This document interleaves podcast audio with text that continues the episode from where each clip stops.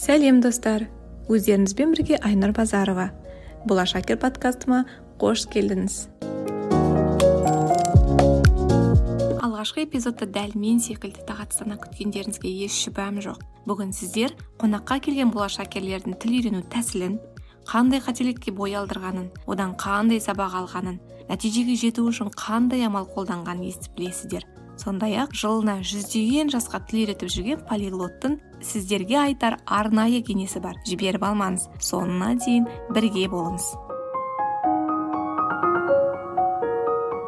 2015 жылдың желтоқсан айының 14-і әлі есімде жұмыста тәуелсіздік күні қарсаңындағы қарбалас. Сондай шабыс күнге болашақ стипендиясы иегерлерінің тізімі жарияланар уақыты сай келмесі бар ма? Кураторыма хабарласып едім дәл қазір ақордада шешім қабылданып жатқанын айтты. Аласап жолдасыма хабарластым. Уайымдама мен өтпесем де сен міндетті түрде өтесің. Қанша жылдық еңбек өтілім бар. Әңгімелесуден де мүдірмей өттің деп қолдап қоям. Сен де өтесің ғой. Сенің ағылшының жақсы деп ол да үміт отын жағып жатыр. Ондайда уақыттың сағыздай созылатын әдет емес пе? Әрі сайтқа үңіліп отырар уақыт та жоқ. Жиналысқа шақырту алып соған аттандым. Біраздан соң жұмыс кабинетіме келсем телефоныма жолдасымнан бірнеше қоңырау түсіпті. Сүйіншіледім бе жоқ па? деп қайта хабарласуға осы жолы батылым бармады.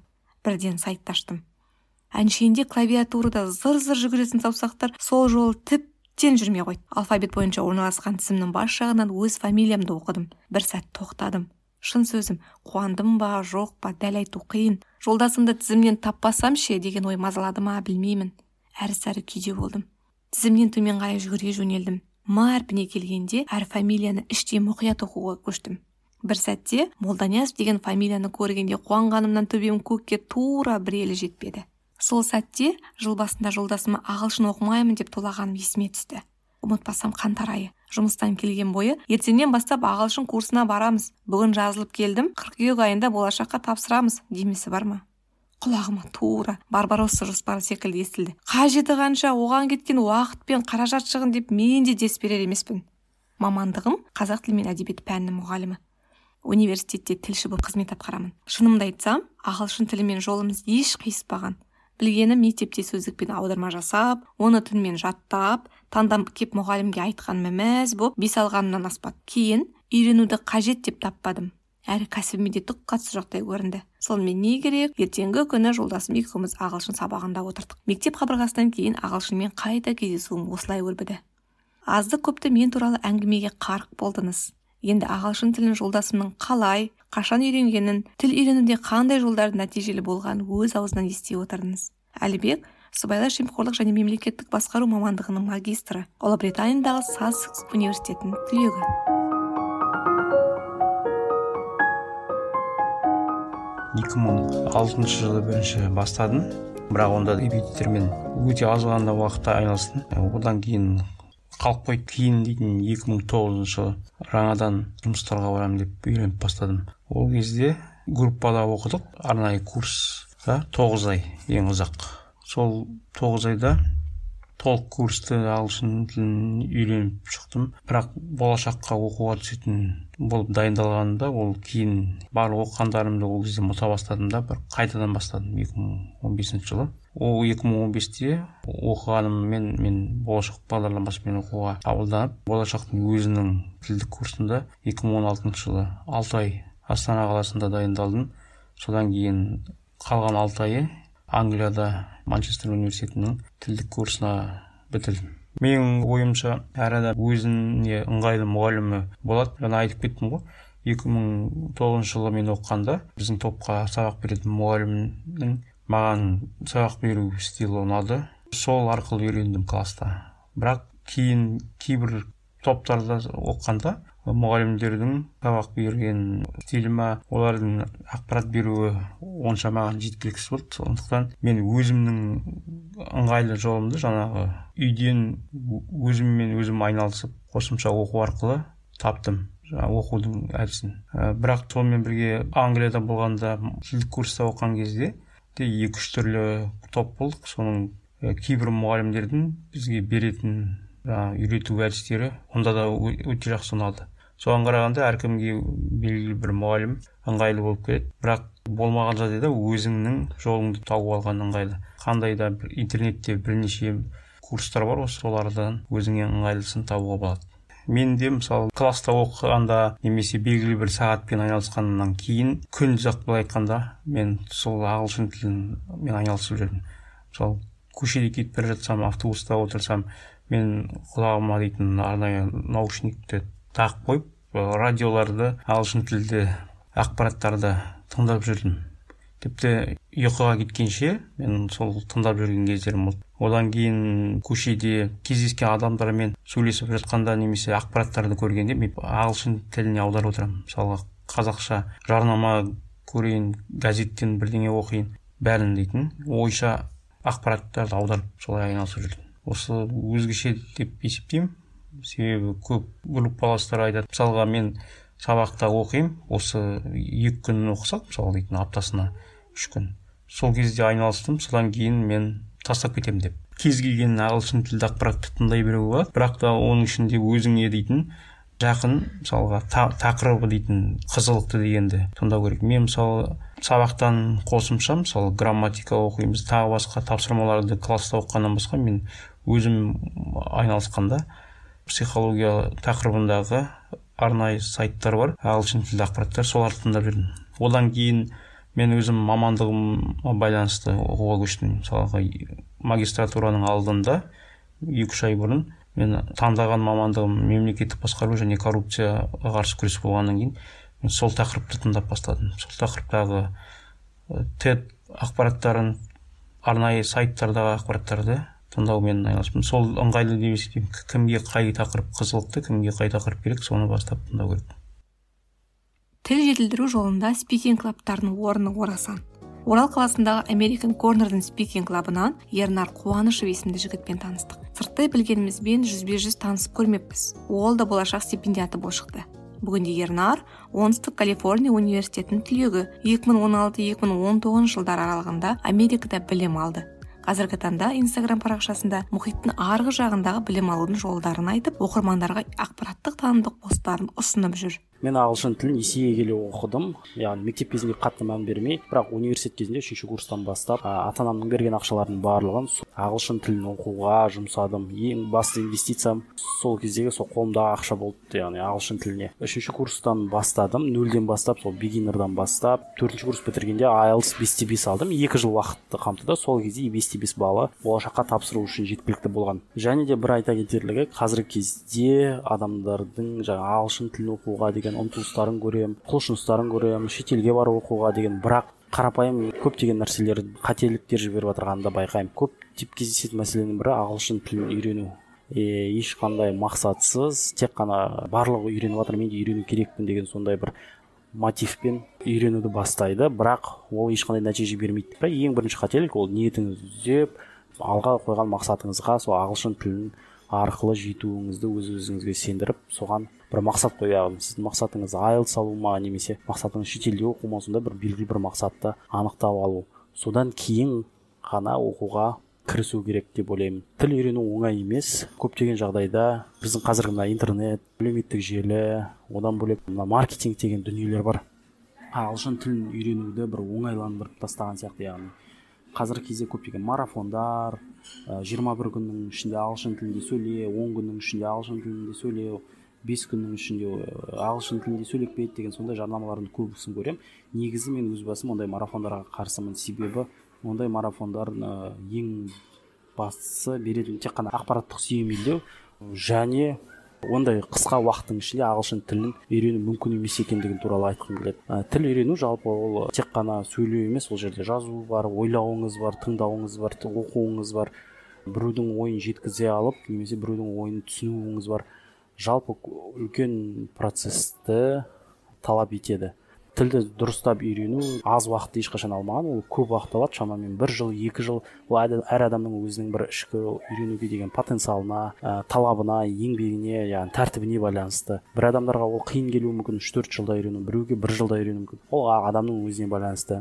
Екінші мәселе тіл үйренудегі подход жаңағы тіл үйренуге кірісудегі көбісі ойлайды көптеген адамдар яғни белгілі бір мықты курсқа барсам немесе мықты мұғалімге барсам менің миымды ашып ішіне ағылшын тілін салып береді деп. Негізі шынында да олай емес. Курстар мен мықты мықты репетиторлар тек қана әрі кетсе отыз пайыз сіздің нәтижеңізге жеткізе алады. Отыз қырық пайыз. Қалғаны негізгі бөлігі өзіңізге байланысты ол яғни күн сайынғы оқу күн сайын қайталау күн сайын белгілі бір істерді жасау яғни қызық емес скучный болса да бір белгілі бір сөздерді жаттап кітап оқып деген сияқты. Сондай іс әрекеттерді қайталау арқасында тілді үйренесіз. Негізі ағылшын тілін басқа тілдермен салыстырғанда мысалы орыс тілі мен тіпті қазақ тілімен салыстырғанда оңай тіл екенін өзімнің көзім жетті. Ол жақта ойыңызды жеткізудің жолдары қазақ орыс тілімен салыстырғанда оңай.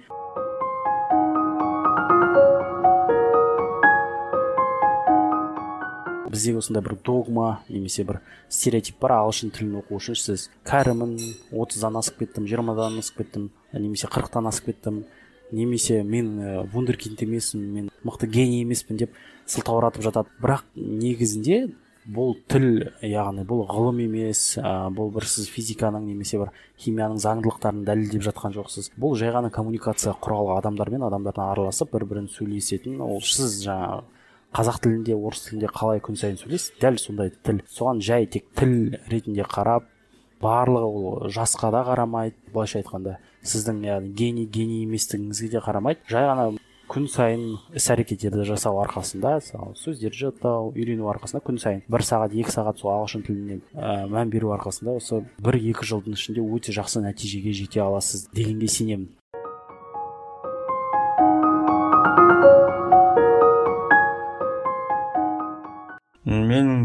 Тәжірибемде мысалы дейтін жас ерекшелігі әсер етпейтін деп есептеймін. Себебі өзімнің одан басқа да мен өзім оқып үйренгеннен басқа жаңағы барып жүргенде мысалы клубтарда ағылшын тілінің кездестірдім. Менен де жасы үлкен адамдар елуге елуге жақындаған одан да басқа мен жеке мысалдарды білемін. Елудің айналасында оқыған адамдар да бар.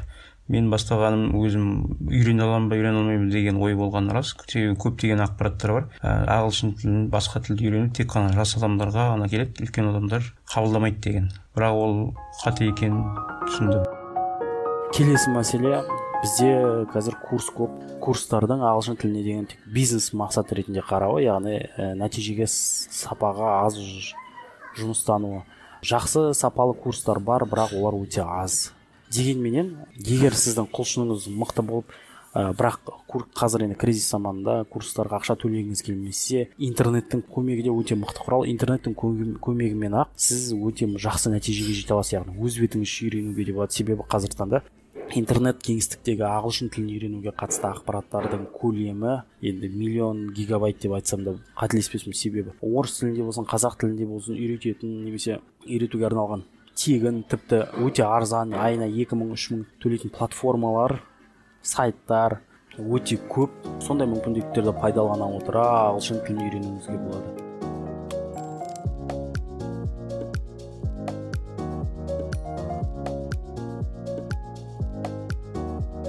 Мен 2012-де сабақ бере бастадым. Шамамен былай айтқанда жылына кем дегенде жүз екі жүз студент дайындап шығарамын өкінішке орай олардың барлығы керемет нәтижеге жете бермейді. Арасында мен үлгермей қаламын арасында олардың өздерінен болады қате мысалға. Дұрыс дайындалмайды деген сияқты себебі олардың басқа да мақсаттары бұл орал қаласындағы алтынсарин тіл мектебінің негізін қалаушы. Полиглот жеңіс насимуллин жұмыста өзінің көтерілу карьера жасау болғасын бұлар сонымен айналысады да арасында үлгермей қалады. А былай жылына кем дегенде әрине бес он студент жарып шығады. Айлс тапсырып тойфл тапсырып мысалға қытайға кеткен студенттерім бар турция еуропа оңтүстік британияға кеткен студенттер өте көп. Мысалы жыл сайын бірнеше студенттер кетіп жатырады америкаға барып қазір сонда түсіп семьясымен яғни жанұясымен тұрып жатырған студенттер бар мысалға бірге оқып олар қайтып келеді міндетті түрде.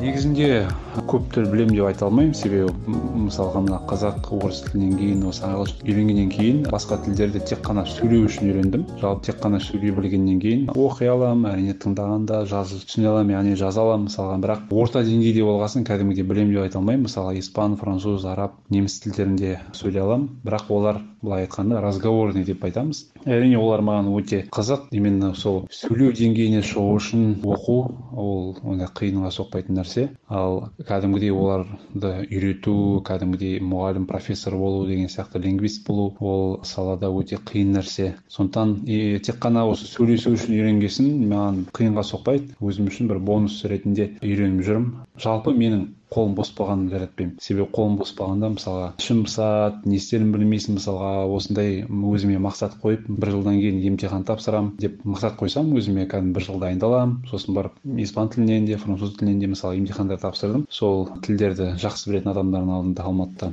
астана қаласында. Сол кәдімгідей емтихан тапсырғаннан кейін өзіңді бақытты сезінесің.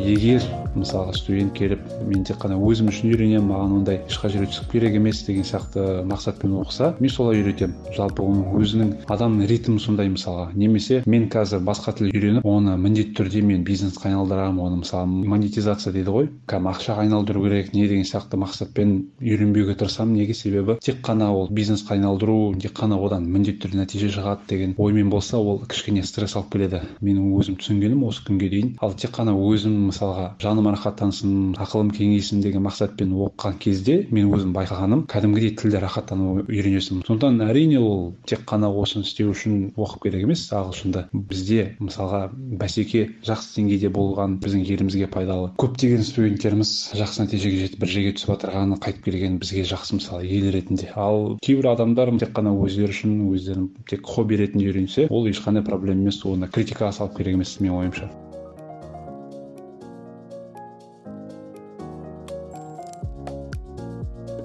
Міндетті түрде адам менің ойымша бірінші тайм менеджмент деген нәрсе бар. Соны түзеп алу керек. Себебі адамда тәртіпке бағына алмаса дисциплина деген нәрсе болмаса қаншалықты мұғалім жақсы болсын қаншалықты материал жақсы болсын ол көп көмектесе алмайды. Сондықтан міндетті түрде өзін өзі дұрыстап алу керек бірінші. Күніне мысалы бір сағат оқимын не болмаса да күнде осындай тапсырмаларды орындап тұрамын деген шешім қабылдау керек өзі үшін. Содан кейін бастап өзін дұрыстап алғаннан кейін кәдімгідей мақсат қойып не үшін оқып жатыр? Содан кейін міндетті түрде иә жақсы мұғалім табу керек. Әрине мен мысалға бір екі тіл үйренгенде мен тек қана төртінші бесінші мұғалім жақсы болып шықты. Мысалы бірінші мұғалімнің қолы босаған жоқ кетіп қалады сабақтан екінші мұғалім кәдімгі өзінің мінезі шамалы болды мысалы жақсы үйретті былай жақсы білімі бар бірақ жақсы үйрете алған жоқ. Үшінші төртінші мұғалім мысалға кейбіреулер кейбір кезде де білім жетпей қалады кейбір кезде де мысалға алаңдап кетеді телефонға. Ал тек төртінші бесінші мұғалім мен қателеспесем бесінші мұғалім менде жақсы болып әйтеуір таптым сондықтан мұғалім іздеу керек міндетті түрде жақсы мұғалім табу керек. Ол